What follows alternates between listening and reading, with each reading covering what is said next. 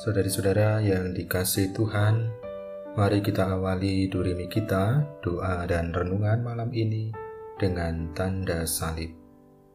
Dalam nama Bapa dan Putera dan Roh Kudus.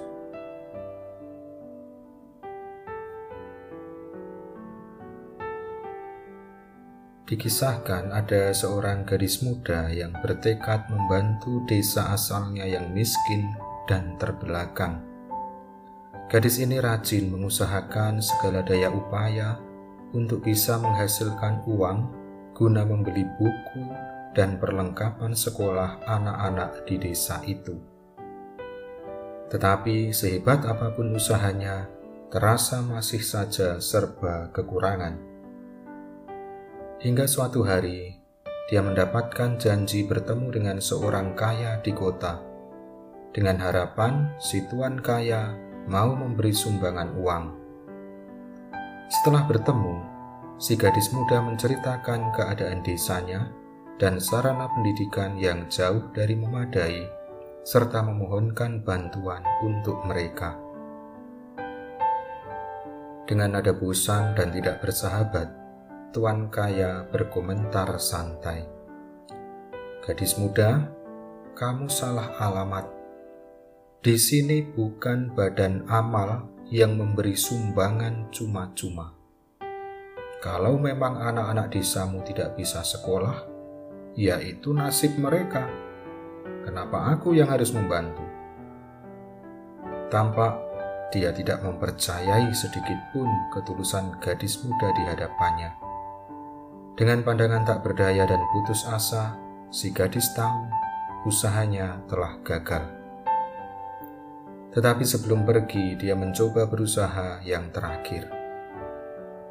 Tuan, kalau boleh, apakah saya bisa meminjam sekantong bibit unggul biji kacang yang Tuan hasilkan selama ini? Anggaplah hari ini Tuan telah membantu kami, dan saya berjanji tidak akan mengganggu Tuan lagi. Dengan heran dan karena ingin segera mengusir si gadis, tanpa banyak cakap, segera diberinya sekantong bibit kacang tanah yang diminta. Sepulang dari sana, si gadis memulai gerakan menanam biji kacang tanah di atas tanah penduduk miskin. Dengan tekad sebanyak satu kantong biji kacang tanah akan menghasilkan kacang sebanyak yang bisa tumbuh di sana. Usahanya rupanya berhasil. Dan beberapa saat setelah panen, si gadis kembali mendatangi si hartawan. Tuan, saya datang kemari dengan tujuan untuk mengembalikan sekantong biji kacang tanah yang saya pinjam waktu itu. Lalu si gadis menceritakan keberhasilan mereka menanam hingga memanen dari sekantong biji kacang menjadi sebanyak itu. Si tuan kaya terkesan dengan hasil usaha dan ketulusan si gadis muda dan berkenan datang ke desa untuk meninjau. Dia sangat terkesan dan kemudian malahan menyumbangkan alat-alat pertanian, mengajarkan cara bertani yang baik, dan membeli semua hasil panen yang dihasilkan desa tersebut. Tiba-tiba kehidupan di desa itu berubah total mereka mampu menghasilkan uang, hidup lebih sejahtera, dan mampu membangun sekolah untuk pendidikan anak-anaknya. Sungguh, perjuangan seorang gadis muda yang amat membanggakan. Usahanya tidak sia-sia.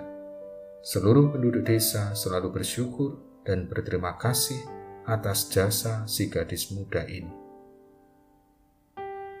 Saudari-saudara yang dikasih Tuhan, saat kita dalam keadaan lemah, mundur, gagal, banyak orang mencemooh kita. Saat kita ingin memulai usaha atau ada ide-ide baru yang mau kita kerjakan, barangkali akan ada saja orang yang tidak mau membantu, tetapi meremehkan, menghina, memandang sebelah mata. Ya, tidak usah marah dendam, ataupun membenci. Lebih baik kita siapkan segala sesuatu secara maksimal, kita perjuangkan sampai berhasil, Dan barangkali setelah ada bukti keberhasilan, orang baru akan percaya dan kemudian memberi pengakuan kepada kita. Tetapi juga jangan heran ketika sukses mungkin juga akan ada orang yang menunggu kapan kita jatuh.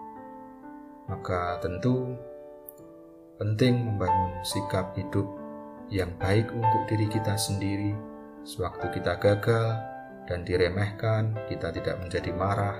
Sewaktu berhasil, tidak menjadi lupa diri, tetap rendah hati dan bersahaja.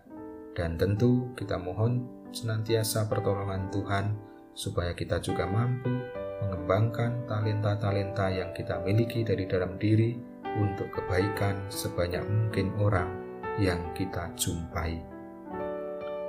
Mari saudari-saudara yang dikasih Tuhan, sebelum kita beristirahat malam ini, kita mohon belas kasih dan kerahiman Tuhan. Allah yang Maha Rahim, aku menyesal atas dosa-dosaku. Aku sungguh patut engkau hukum, terutama karena aku telah tidak setia kepada engkau yang maha pengasih dan maha baik bagiku. Aku benci akan segala dosaku, dan berjanji dengan pertolongan rahmatmu hendak memperbaiki hidupku dan tidak akan berbuat dosa lagi. Allah yang maha murah, ampunilah aku orang berdosa ini. Salam Maria, penuh rahmat Tuhan sertamu. Terpujilah engkau di antara wanita, dan terpujilah buah tubuhmu Yesus.